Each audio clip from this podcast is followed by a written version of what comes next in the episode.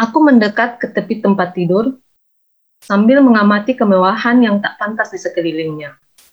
Aku meraba wajahnya, meraba matanya, mengelus jidatnya, menyusuri hidungnya yang tak lagi menghirup udara. Dia pergi berbekal gelisah. Ada kerutan khawatir di kedua sudut mata dan alisnya. Dahinya terlihat berkerut. Ia tampak meringis. Dia mati. Benar-benar mati tanpa babi bu. Selain pesan singkat yang kami terima siang tadi, untuk datang sesegera mungkin. Takdir sepertinya ingin mempertemukan kami bertiga di kamar itu. Ruang sumber malapetaka. Kematiannya di kamar ini seakan ingin mengamini sebuah kutukan. Mungkin benar juga kata orang-orang tua dulu. Jangan sembarangan mengumbar kata-kata.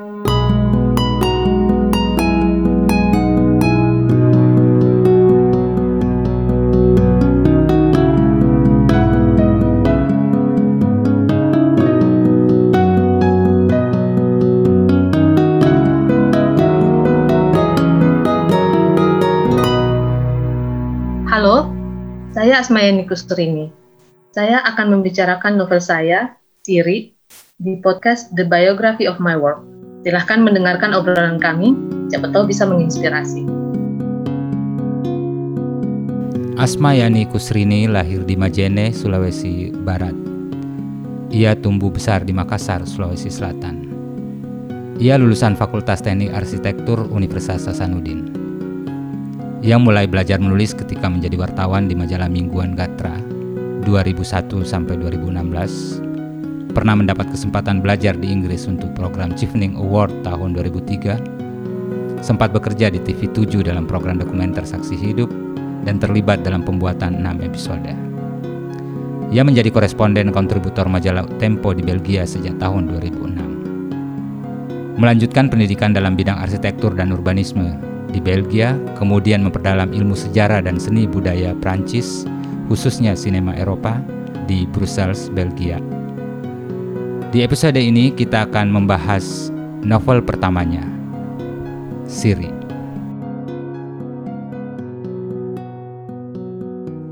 Beberapa minggu terakhir ini saya baca Siri, salah satu novel yang menantang sekali untuk dibaca dengan banyak alasan nanti kita akan obrolkan. Tapi di awal saya mau bertanya karena kan saya dan banyak orang mengenal Asmayani Kusrini sebagai seorang jurnalis. Lebih spesifik lagi jurnalis yang sebelumnya belajar arsitektur dan belajar film. Nah tentu pertanyaannya adalah kenapa kemudian memilih medium novel untuk bercerita? Ada banyak hal sih ya kenapa, tapi yang pasti karena saya merasa sudah saatnya gitu. Saya suka menulis, dan awalnya saya pikir dengan menulis sebagai jurnalis, menulis itu sudah cukup terakomodasi. Tapi beberapa tahun belakangan ini dengan internet, kemudian ada sosial media, jurnalis itu dituntut untuk menulis laporan sama cepatnya dengan kecepatan tangan menggeser gadget gitu kan. Dan saya agak kewalahan mengikuti ritme jurnalistik zaman sekarang itu serba cepat. Padahal saya kan sebagai wartawan itu dididik dengan cara old school gitu. Cari berita itu ya dengan turun lapangan, wawancara narasumber gitu. Terus di sisi lain rasanya hanya medium novel yang bisa membuat saya bercerita tentang kisah-kisah personal seperti yang ada di Siri. Menulis fiksi juga tidak terlalu menuntut banyak hal ya, kecuali ketekunan dan niat. Bisa mengembangkan ide bebas sebebas-bebasnya menciptakan dunia gitu tanpa batas, tanpa aturan dan tidak butuh biaya banyak, juga tidak perlu tergantung orang lain tidak seperti dalam dunia arsitektur atau film atau dunia jurnalis. Jadi kalau kita bicara soal kecepatan yang dituntut dalam dunia jurnalisme sekarang, apakah ini ada semacam tegangan antara memilih kecepatan dan kedalaman nggak sih? Iya banget gitu, karena kan kalau menulis sebagai jurnalis, khususnya jurnalis di majalah mingguan ya, dulu saya di Gatra, kita punya waktu untuk berpikir, kita punya waktu untuk riset banyak gitu. Kemudian punya waktu untuk benar-benar bertemu orang yang bersangkutan dengan apa yang sedang kami kerjakan gitu misalnya. Jadi terasa sekali dalam tulisan bisa terlihat jurnalisnya itu punya waktu yang cukup untuk riset, punya uh, waktu yang cukup untuk mewawancara orang gitu dengan tulisan yang misalnya dibuat dengan uh, serba cepat itu terasa sekali dalam tulisan-tulisan jurnalistik. Oke, dan kalau membaca Siri ini kan ini satu cerita yang sangat kompleks, sangat rumit gitu. Saya kira memang juga hampir bisa dibilang mustahil dimuat dalam laporan jurnalistik ya. Kompleksitas itu dengan segala macam percabangannya juga kayaknya tidak memungkinkan untuk dihamparkan di laporan-laporan. Kecuali mungkin kayak laporan investigasi yang harus menghasilkan satu buku sendiri gitu. Saya kira itu sih. Benar-benar juga laporan investigasi pun sebetulnya paling banyak itu 10 halaman biasanya dan pasti tidak masuk ke ranah-ranah personal kan.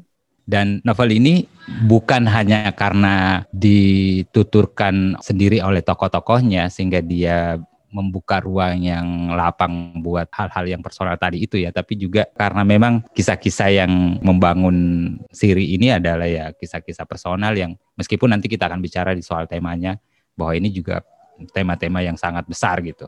Jadi saya mau kembali, kalau lihat latar belakang pendidikannya arsitektur, film, terus tiba-tiba beralih jadi penulis novel gitu. Ada kaitan semacam apa yang terjadi antara dua latar akademik, kalau bisa dibilang gitu, terus tiba-tiba pindah ke novel?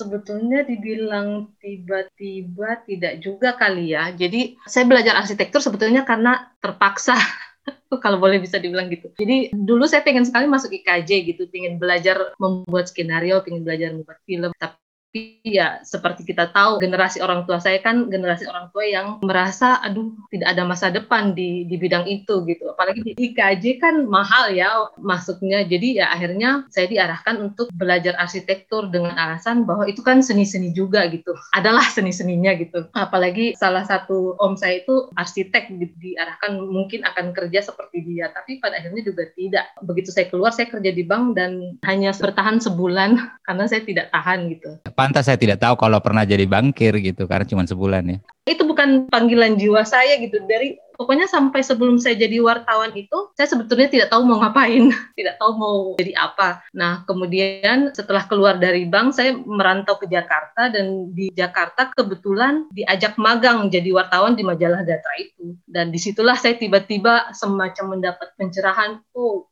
ini dunia yang ingin saya geluti gitu, menulis, ketemu orang, mendengar berbagai macam kisah gitu. Ketika jadi wartawan di Gatra itu salah satu metode yang diajarkan waktu itu almarhum Pak Amarzan Lubis dan kemudian ada Mas Yudhistira Masardi, yaitu menonton film untuk berlatih menulis, menganalisa gitu karakter, situasi, dan membuat semacam review singkat untuk melatih metode penulisan kreatif gitu. Nah dari situlah kecintaan itu kemudian sampai sekarang dan itu yang membawa masuk kemudian lanjut ke sejarah seni Prancis gitu dan fokus ke sinema Eropa.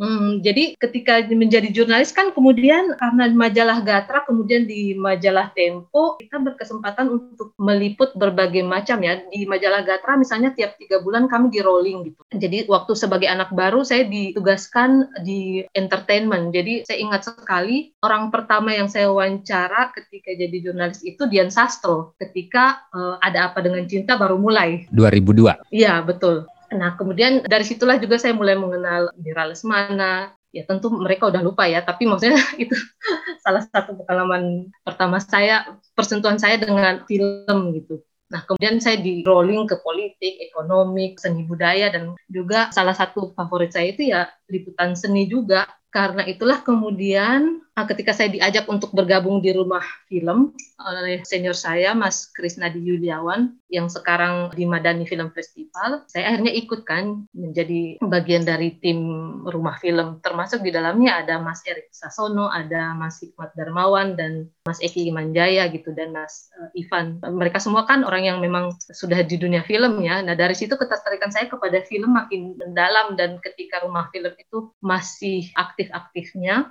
kami semua ya seperti Mas Eki kan kemudian juga melanjutkan masternya di Amsterdam tentang film. Mas Erik juga dan saya berpikir untuk bisa mengembangkan rumah film mungkin saya juga ingin gitu mendalami film yang khusus film di Eropa misalnya. Jadi akan saling melengkapi di rumah film itu walaupun sekarang rumah film sudah wafat ya tapi itu dulu cita-cita besar kami makanya kemudian saya belajar film. Sebetulnya kepingan biografis tadi ini meskipun singkat ini juga sebetulnya bisa menjawab beberapa pertanyaan nanti yang kemungkinan, saya bisa bilang kemungkinan akan muncul eh, dari pembaca ketika menelusuri siri. Dan ini yang saya mau tanya lebih awal sebelum kita masuk nanti membahas hal-hal isu-isu besar di novel ini. Tidak bisa tidak kita merasa bahwa ada begitu banyak pengaruh film di novel ini gitu. Saya misalnya ketika membaca awal-awal sempat agak hang gitu karena kayak kenapa lompatnya mana suka gitu loh. Habis satu bab gitu, pindah lagi settingnya, pindah lagi siapa yang bertutur gitu. Dan itu berlangsung konsisten di novel ini sampai kalau tidak punya cukup daya tahan, kita mungkin akan kayak agak bingung gitu di tengah. Nah, tapi kemudian saya memikirkan kalau saya mengikuti cerita ini seperti pergerakan kamera pasti akan jauh lebih menyenangkan dan itu yang saya lakukan kemudian membuat saya bisa menikmati perjalanan membaca novel ini gitu di awal ketika membaca pertama kali cerita ini. Tapi saya mau mengkonfirmasi itu benar nggak sih pengaruh film tuh besar sekali di cerita ini gitu? Iya benar banget. Jadi salah satu tantangan terberat sebetulnya dengan Siri adalah bagaimana menceritakan gitu secara efektif kisah ini karena saya ingin Siri itu tokoh utamanya satu keluarga ini dalam satu keluarga ini ada enam karakter gitu. Saya pengen mereka semua yang jadi tokoh utama. Itu tantangannya adalah bagaimana menceritakan itu tanpa kehilangan apa hubungan gitu antara satu dengan yang lain. Jadi ini kan ada multiple protagonis kan dengan ada para naratif juga.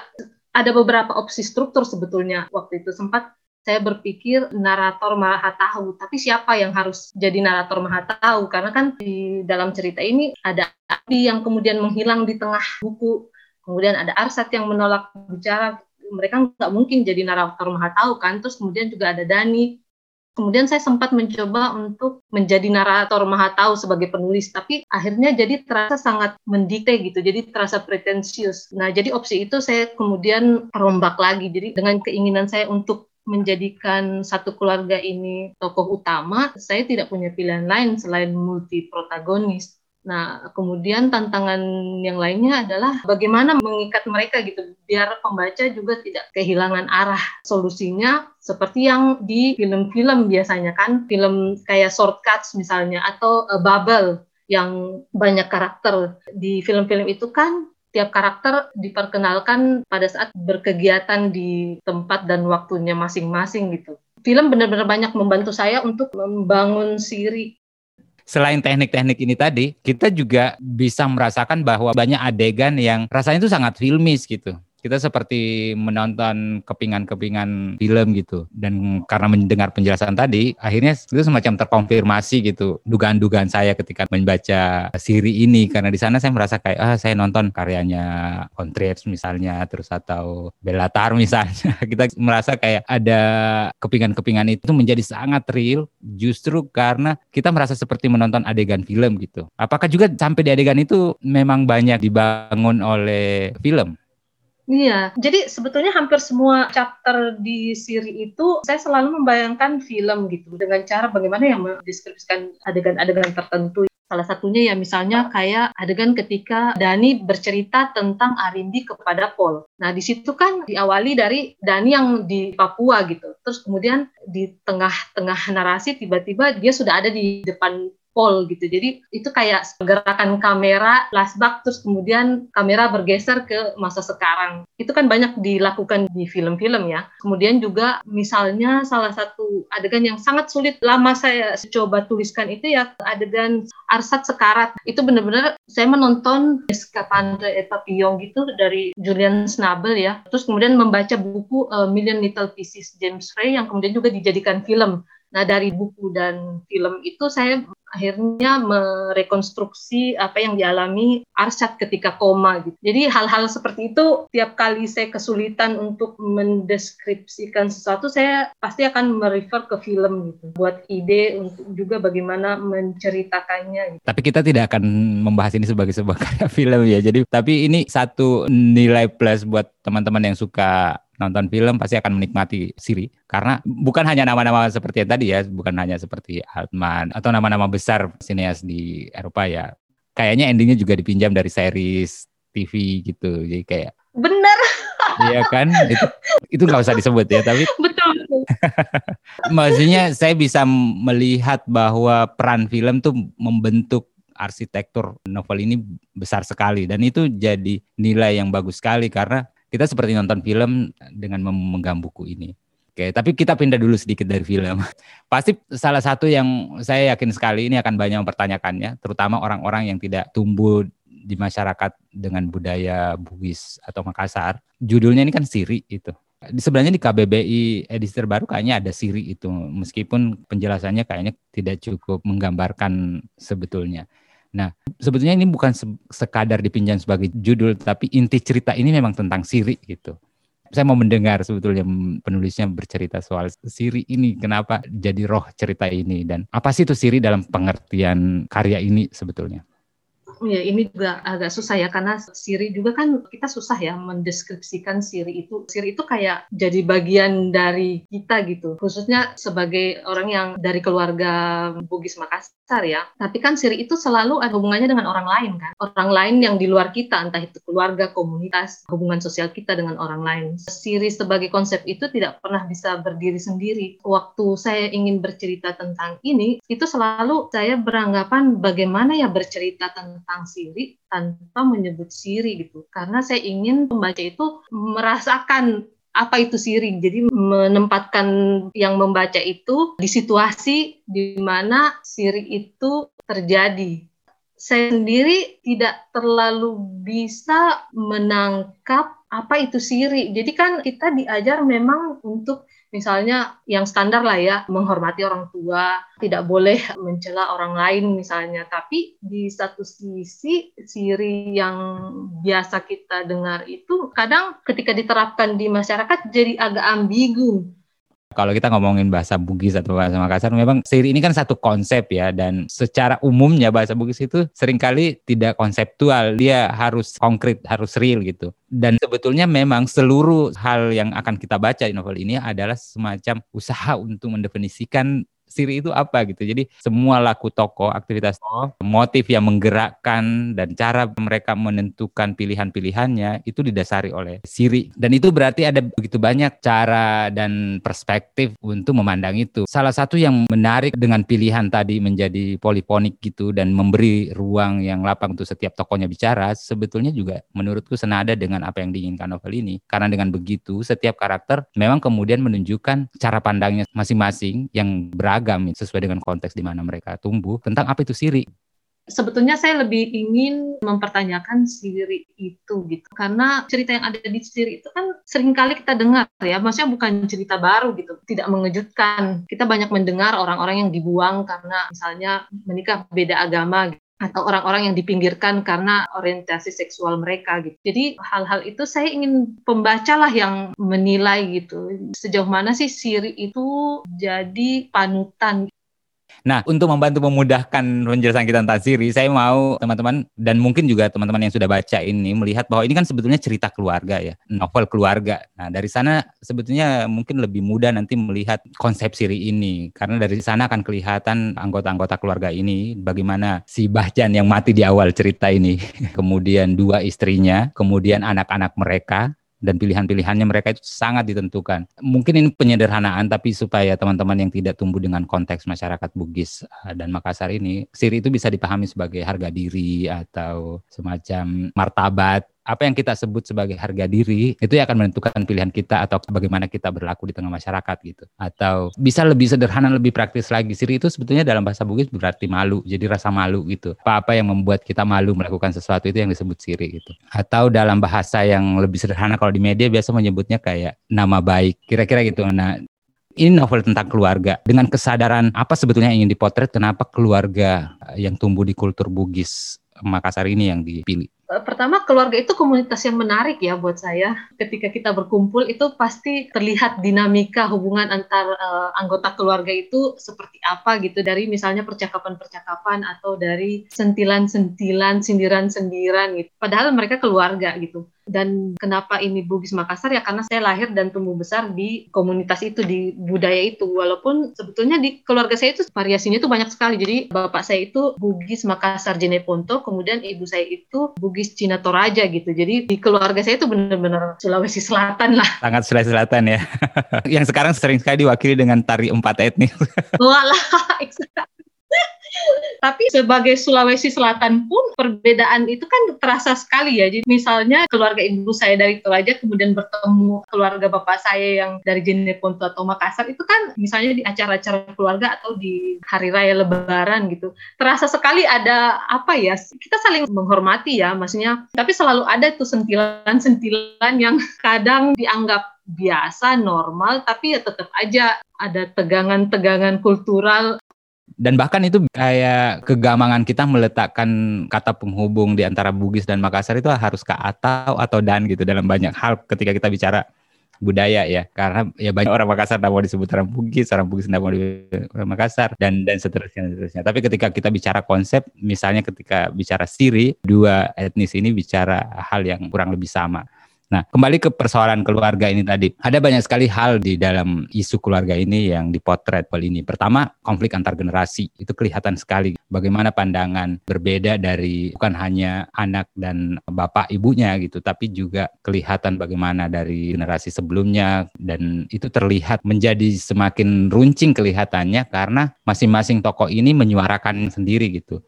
bagaimana si karakter-karakter anak dalam tanda petik melawan orang tuanya dengan beragam siasat itu ada yang pergi, ada yang lari, ada yang konfliknya bisa dalam urusan pasangan nantinya dan seterusnya gitu. Kenapa urusan konflik generasi ini begitu diberi ruang lapang di untuk dibicarakan di novel ini? Kita semua pasti mengalami ya konflik-konflik antar generasi dengan orang tua kita gitu kan. Kan tiap generasi adalah produk zamannya gitu dan zaman selalu berubah. Sementara biasanya nilai-nilai yang dipegang tiap generasi itu terus dipertahankan gitu dan ini selalu akan jadi cerita yang menarik bagi saya khususnya. Dan apa-apa yang bisa dibicarakan di novel ini adalah hal-hal yang enggan kita bicarakan secara terbuka dengan orang tua kita. Ya enggak sih? Dan itu kayaknya bagi saya khususnya mungkin ada orang tua yang bisa lebih terbuka misalnya terhadap perubahan tapi kan ada juga yang tidak. Dan itu kadang kita sebagai anak juga ya terkait dengan konsep siri kita juga tidak ingin mengkonfrontasi orang tua kita misalnya tentang hal-hal yang enggan kita bicarakan. Sebagai orang yang lahir dan tumbuh juga di budaya Bugis, saya dalam istilah anak muda sekarang kalau baca novel ini relate sekali cerita ini gitu. Bukan hanya kayak bagaimana tegangan antara cara pandang ibu saya misalnya dengan saya melihat dunia gitu berbeda sekali gitu. Apa yang mereka sebut bisa meruntuhkan harga diri keluarga bagi saya kayak kenapa sih hal-hal semacam itu dianggap bisa merusak nama baik keluarga padahal ya menurutku justru bisa sebaliknya gitu. Kenapa yang kita pandang baik justru bagi mereka dipandang buruk gitu dan dan seterusnya. Di novel ini kan menurutku berhasil memotret kompleksitas persoalan-persoalan semacam itu gitu. Kayak tiga anak dari dua ibu berbeda ini dibikin karakter yang ber, berbeda sekali. Satu perempuan dua laki-laki satu yang dianggap mencoreng nama baik keluarga dan kemudian diasingkan jauh ke sana karena dianggap tidak membawa nilai keluarga karena dia eh, dianggap menyukai pasangan sesama jenis gitu. Terus kemudian yang satu anak perempuan karena dia pacaran dengan orang yang berbeda etnis dan kemudian memiliki pandangan-pandangan yang bertolak belakang dengan bapaknya dianggap juga merusak nama keluarga. Dan anaknya yang satu juga punya persoalan yang lain lagi dan seterusnya gitu. Bagaimana membangun karakter-karakter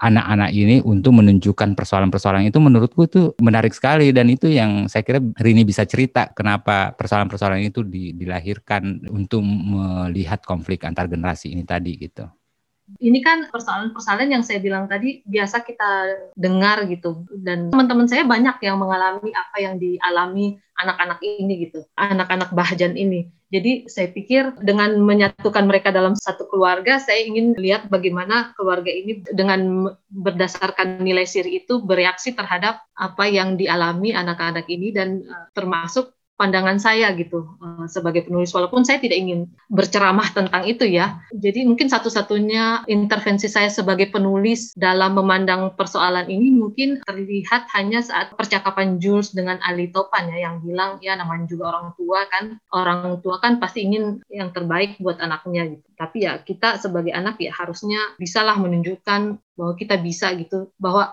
konsep kebahagiaan apa yang terbaik bagi mereka belum tentu terbaik bagi kita sebagai anaknya. Itu aja sih intervensi saya sebagai penulis. Tapi yang lain-lain itu memang sengaja ingin saya tampilkan karena itu memang hal-hal yang menjadi concern saya eh, di generasi saya gitu. Nah, itu tadi dari tegangan antar generasi, di mana nilai-nilai antar generasi itu berbenturan gitu. Tapi di novel ini si Bahjan, si si bapak di dalam cerita ini poligami. Tapi poligami di sini juga bukan sekadar karena dia menikah dengan dua perempuan berbeda, tapi juga di sana ada persilangan antara etnis yang berbeda gitu. Dan itu menurutku menarik gitu. Misalnya kan kalau kita bicara di cerita-cerita fiksi, selama ini kalau orang bicara apalagi dari sudut pandang laki-laki ya, kalau ngomongin soal poligami, biasanya ini di potretnya dalam urusan agama gitu. Perempuan yang mau dipoligami adalah dua perempuan soleha yang mau masuk surga sehingga mereka rela dipoligami. Tapi itu kan wilayah yang tidak digarap sebetulnya di cerita ini. Justru nilai siri nama baik keluarga itu karena si Bahjan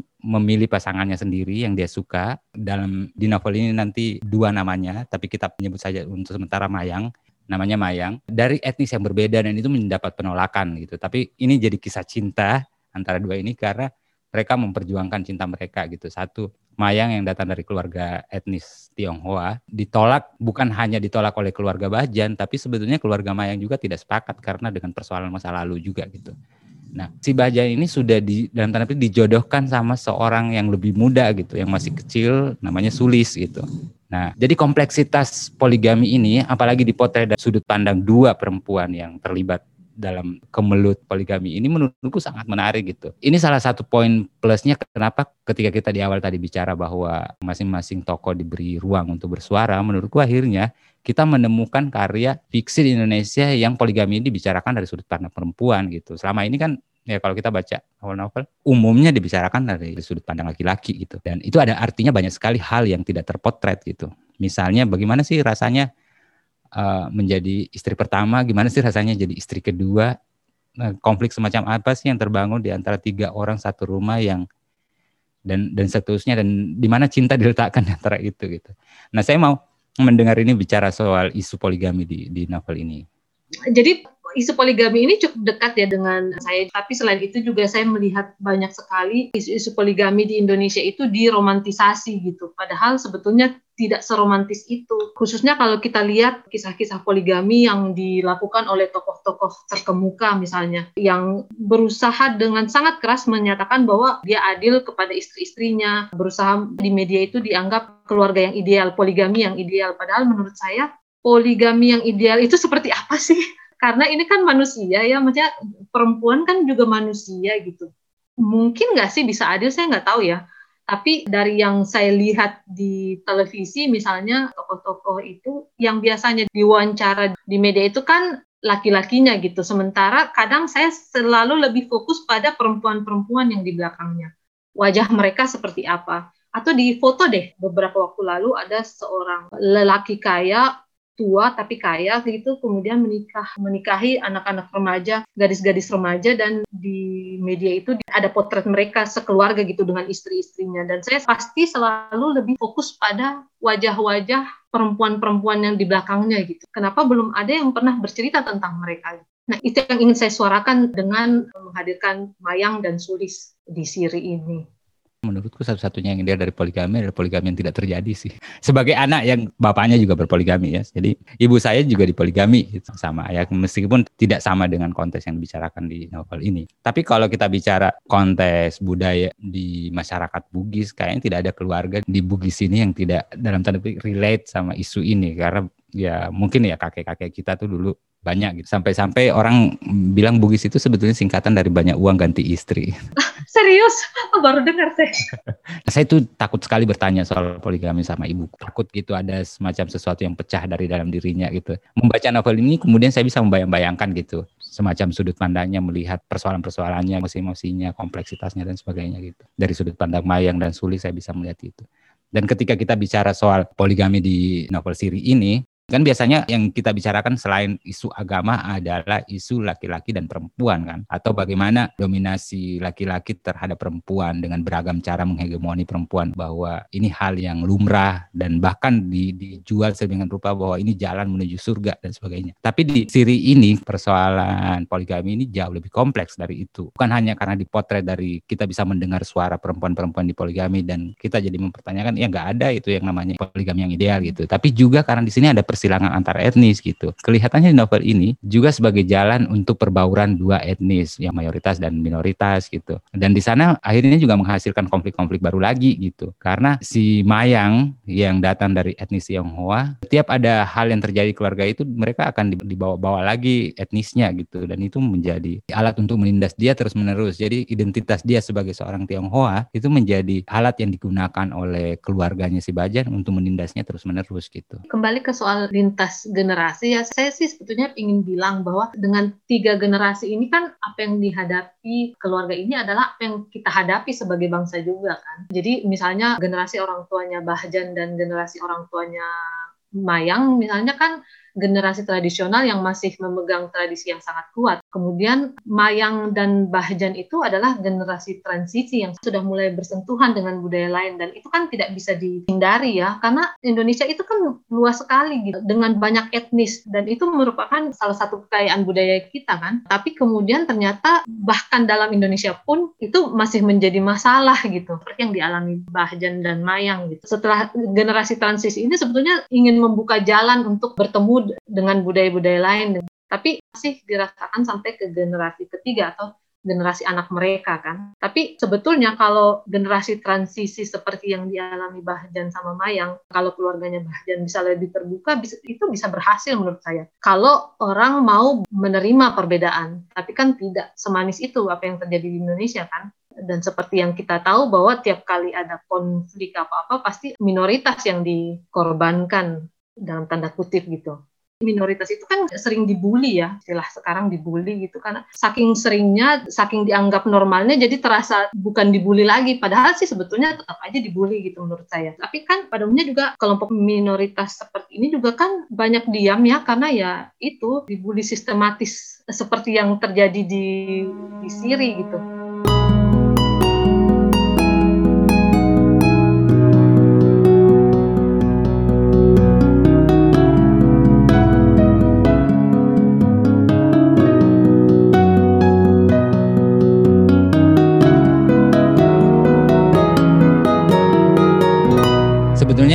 Masih banyak sisi lain ya, ada masih beberapa sisi lain dari isu perkawinan poligami ini misalnya dengan sulis yang sebetulnya bisa dibilang perkawinan anak gitu. Ya itu isu lain lagi gitu dan kita bisa potret itu sebetulnya di di cerita ini juga. Tapi saya mau beranjak sedikit. Jadi kalau cerita perkawinan Bahjan, Mayang, Sulis dan semua konflik keluarga ini tadi juga sebetulnya bisa dibaca sebagai satu metafora untuk lapisan yang lain-lain di novel ini.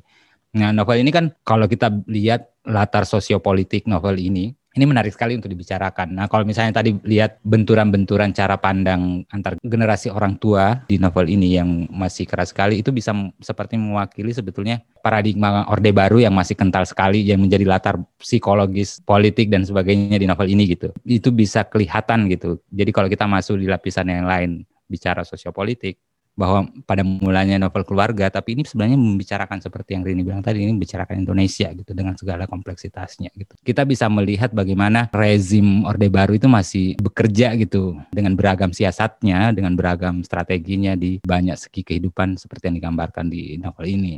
Kita bisa pecah-pecah misalnya bagaimana isu tentang korupsi itu di novel ini kan ceritanya tentang korupsi dan Bahjan sendiri ini bukan hanya sebagai pengusaha bukan hanya orang yang punya banyak uang tapi juga dia penguasa gitu dia politisi itu persilangan maut gitu yang yang banyak sekali kritik sekarang ya kalau di Indonesia ini. Nah itu sebetulnya juga sampai ke sana. Saya mendengar ini bicara soal latar sosiopolitik sebenarnya novel ini dengan menarik dari isu keluarga menjadi lebih luas tentang Indonesia gitu soal itu ya sebetulnya waktu saya jadi jurnalis itu banyak sekali saya bertemu soal eh, orang-orang yang seperti Bahjan sebetulnya. Salah satu wawancara yang uh, pengalaman menarik saya sebagai wartawan waktu itu yang kemudian menginspirasi saya membuat Bahjan seperti itu. Ya, jadi saya pernah wawancara seorang pejabat ya yang sedang ditengarai terlibat penyelewengan gitu. Nah, saya sudah tidak ingat ingat siapa, mungkin saya masih bisa ini kalau melacak kembali artikel yang saya tulis di majalah Gatra, saya juga tidak terlalu ingat wajahnya, tapi saya ingat rumah yang sedang dia bangun waktu itu. Jadi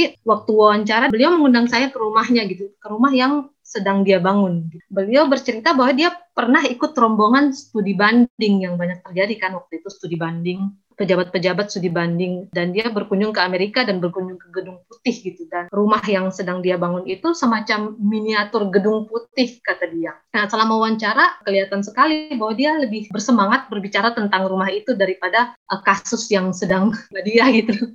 Dan dan lucunya yang paling berkesan dari wawancara itu adalah uh, bagaimana orang-orang di dalam rumah itu gitu benar-benar dia itu seperti dianggap raja gitu bahkan tantenya yang lebih tua pun bungkuk gitu kalau lewat di depan kami dan yang paling berkesan dari cerita yang tidak bisa saya lupa itu ialah terinspirasi dari Gedung Putih tapi dia waktu itu sempat nyeletuk berpikir untuk mencat rumah itu dengan warna hijau. Karena dia bilang itu warna favorit Nabi Muhammad kan.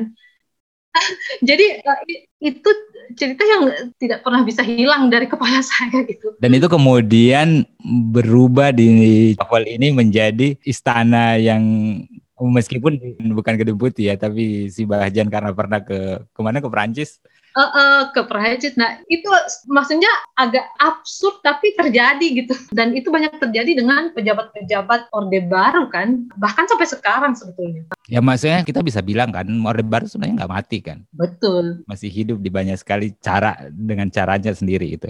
Nah tadi saya tidak pernah menyebut nama asli Mayang gitu. Mayang itu kan nama yang diberikan kemudian ya.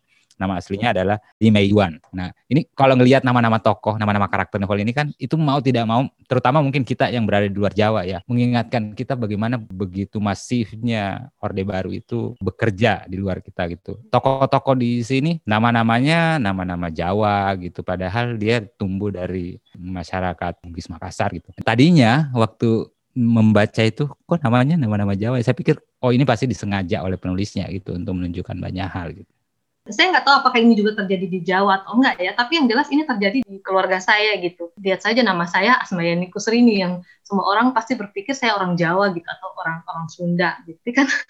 Dan itu saya ceritakan di dalam novel kan salah satu karakternya yang Purwanto itu orang Makassar tapi ya diberi nama Purwanto dan saudara-saudaranya beri nama Jawa gitu. Karena ya benar terjadi di kita, ya nggak sih? Saya masih ingat ya, terutama generasi-generasi di atasku. Jadi ya mungkin karena saya di keluarga aku memang kakekku tidak menginginkan ada anak dan cucunya jadi pegawai negeri ya, jadi nama-namaku cukup aman gitu. Tapi tetangga-tetanggaku tuh jadi nama harus terdengar Jawa supaya mudah masuk jadi tentara, polisi atau pegawai negeri gitu. Kita juga jangan lupa bahwa dulu ada kebijakan kan bahwa nama-nama Cina harus di, diubah kan Li Mei Yuan itu jadi mayang kemudian. Nah, di cerita ini. Nah ini efek Orde Baru di cerita ini dan banyak sekali kerja dalam tanda petik kerja-kerja rezim ini kita bisa baca di novel ini. Misalnya militerisme di Papua. Yang pada mulanya kok kenapa tiba-tiba setting Papua? gitu. Kan novel ini juga settingnya lompat-lompat ya. Dari Denmark ke Yunani dari Jakarta ke Papua balik ke satu tempat tidak jauh dari Makassar dan seterusnya gitu. Dan hmm. itu ternyata bicara banyak hal gitu, bukan hanya dalam urusan sosiopolitik ya, tapi saya melihat misalnya kecenderungan-kecenderungan yang dipilih mungkin karena di Majene dekat laut kali ya. Iya iya betul betul betul. Jadi kayak di Yunani pun harus cari setting yang dekat laut gitu. Oh wow, kamu tahu sekali. Ya maksudku kayak di Denmark sih dokter yang mau bunuh diri itu ya juga di laut dekat laut gitu maksudnya ya ya enggak tahu bahwa itu disengaja atau gimana tapi maksudnya saya melihat ada benang merah itu dan makanya saya tanya apakah karena di Majene dekat laut kali ya? Betul sengaja memang. Saya punya soft spot untuk uh, daerah-daerah pesisir soalnya. Dan itu juga maksudnya simbolik ya. Maksudnya kan laut itu kan begitu kita jalan ke laut ya udah kita harus kembali kan. Kalau enggak ya nyemplung bunuh diri gitu. Nah, tapi kan di sini ini anak-anak yang ingin lari tapi kemudian mereka harus menghadapi masalahnya gitu, harus kembali ke realita gitu. Jadi laut itu kan semacam bisa jadi tempat penyelesaian ya, ya terjun ya udah gitu. Tapi kan enggak gitu. Kenapa satu-satu satu-satunya karakter yang tidak berhadapan dengan laut itu ya Arimbi karena dia memutuskan untuk kembali dan benar-benar jadi dirinya sendiri kan. Ketika dia memutuskan untuk ke Papua itu benar-benar keputusan yang tidak diambil oleh orang tuanya. Karena selama ini selalu apa pun yang terjadi di hidupnya itu pasti keputusan yang diambil orang tuanya. Dan ketika dia memutuskan ke Papua walaupun ribet tapi ya itu keputusan dia dan dia siap menghadapi masalahnya. Sementara kalau yang dua itu yang masih di tepi laut itu masih berusaha menyadari bahwa either lu bunuh diri lu nyemplung ke laut atau ya balik gitu menghadapi persoalanmu gitu Dan itu menarik sekali menurutku karena yang kemudian justru berhasil dalam tanda petik menjadi dirinya sendiri di tengah keluarga yang menginginkan nilai-nilai keluarga itu tertanam dengan kuat itu justru perempuan kan si Arimbi itu itu yang berhasil. Iya betul. Saya sih berharap orang menyadari itu ya. Tapi baru sekarang saya mendengar e, orang menyebut soal laut itu walaupun itu niatnya memang seperti itu gitu. Karena kan kalau yang dia pergi ke Yunani itu kayak ujung pulaunya kan. Ya saya nggak pernah ke Yunani tapi maksudnya membayangkan setting yang diceritakan itu kayak ya kau sampai ke sudut yang kau tidak bisa ke mana-mana di depanmu ini laut lepas gitu. Si Arsyad yang hari ini juga menghadapi situasi yang kurang lebih sama dan kemudian bahkan ke, harus kehilangan kakinya karena karena kecelakaan itu gitu dan itu juga terjadi di laut gitu. Jadi saya menduga itu pasti sesuatu yang dimaksudkan dengan kesengajaan yang terukur gitu. Betul, memang sengaja memilih itu sih, memilih laut tepi pantai pesisir gitu ya juga karena karena kan saya lahir dan besar di Majene ya dan di Makassar juga laut kan. Tadinya benar-benar pertanyaan ini muncul karena ya mengetahui latar penulisnya ya Majene gitu. Tapi kemudian jadi wah iya itu jadi sangat masuk akal dan sangat menjadi satu metafora yang menarik sekali gitu. Oke, ini novel pertama ditulis tidak di Indonesia tapi ditulis dalam bahasa Indonesia. Nah kalau kita bicara soal peta sastra Indonesia, bagaimana seorang Asmayani Kusri ini mau meletakkan dirinya di peta sastra Indonesia sebenarnya? Awal-awalnya saya tidak pernah berpikir bahwa novel ini akan dibaca sebegitu banyak orang gitu. Saya selalu berpikir akan dibaca ya paling 5-10 orang gitu teman-teman saya gitu kan. Tapi soal tempat saya di peta sastra Indonesia nggak tahu ya. Aan melihat saya bagaimana? Kalau saya ya penulis Indonesia pastilah ya. Ah, syukur alhamdulillah. Tapi kan tahu lah ya, politik sastra Indonesia itu kan ombaknya tinggi. Kadang-kadang kita tuh maksudnya akhirnya kita dipaksa untuk memposisikan diri tertentu gitu. Kadang-kadang itu memang tidak fair gitu karena kalau itu tidak dilakukan tiba-tiba kita dianggap masuk di kotak inilah, kotak inilah, kotak ini dan seterusnya gitu. Mungkin salah satu keuntungan kali ya, saya di luar gitu, jadi saya tidak terlalu paham soal hal-hal seperti itu gitu. Karena salah satu hal yang sering membuat saya ragu untuk mengirimkan novel ini ke penerbit, karena saya itu kan selain jauh, saya selalu lonesome ranger gitu. Maksudnya saya tidak bergabung di komunitas apa pun, komunitas penulis gitu. Jadi waktu mau mengirim itu benar-benar mengirim aja gitu tanpa kenal siapa-siapa gitu. Intinya sih saya sebetulnya cuma ingin menulis ya, menulis novel bahwa saya akan ditempatkan di mana, saya nggak tahu juga sih. Tapi kadang-kadang memang keruwetan soal ini itu nggak datang dari diri sih, karena kita dipetakan gitu.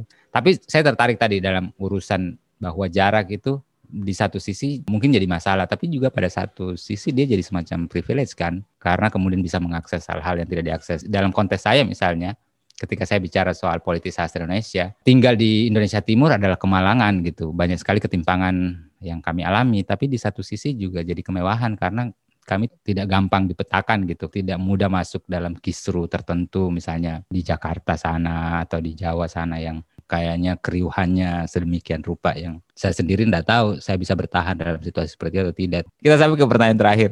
Tadi meskipun sudah disebut beberapa pengaruh film gitu, tapi saya mau mau mendengar dan mungkin juga teman-teman yang menyimak podcast kita ini mau tahu karya-karya apa saja yang dibaca. Misalnya nih, untuk memotret sejarah Tionghoa di Makassar butuh baca buku apa saja gitu. Itu pasti kan butuh butuh riset kan, maksudnya butuh literatur dan saya yakin itu terbatas sekali literatur tentang Tionghoa di Makassar. Waktu membuat siri ini walaupun saya bisa saja misalnya mewawancarai nenek saya gitu, tapi susah juga ya nenek saya malas berbicara soal ini. Jadi satu-satunya buku referensi soal keturunan Tionghoa di Makassar itu yang saya dapat ya itu apa tulisan eh, bukunya Yeri Wirawan ya sejarah masyarakat Tionghoa Makassar itu satu-satunya yang saya dapat. Mungkin ada lagi yang lain, tapi uh, saya nggak tahu ya, karena akses saya uh, terhadap buku-buku di Indonesia kan juga terbatas. Jadi selain membaca soal masyarakat Tionghoa di Makassar itu, saya juga membaca karya-karyanya Pramudi Anantaturi, Waikiau di Indonesia. Terus soal masyarakat Tionghoa di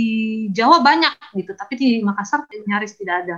Kemudian kalau soal Papua, saya banyak membaca situs Indo Progress ya. Mereka sangat rajin menulis artikel in-depth reporting tentang Papua. Terus ada buku yang juga saya baca itu akan kita orang setengah binatang karya Philip Karma. Dan juga ada bukunya Tanah Tabu karya Anindita Estaif ya. Itu tentang Papua kan. Juga ternyata setelah saya menulis siri ini saya baru tahu bahwa ada kode-kode tertentu yang ternyata kita tidak boleh pakai ya. Khususnya bicara soal Papua militarisme gitu ya ini saya baru paham gitu ketika editor saya bilang ini harus diganti, harus diganti, kata ini harus diganti. Dan itu akhirnya saya merefer ke buku-buku karyanya Mas Seno tentang Timor ya, Saksi Mata misalnya. Kalau kayak street art dan di novel ini juga banyak tentang seni gitu.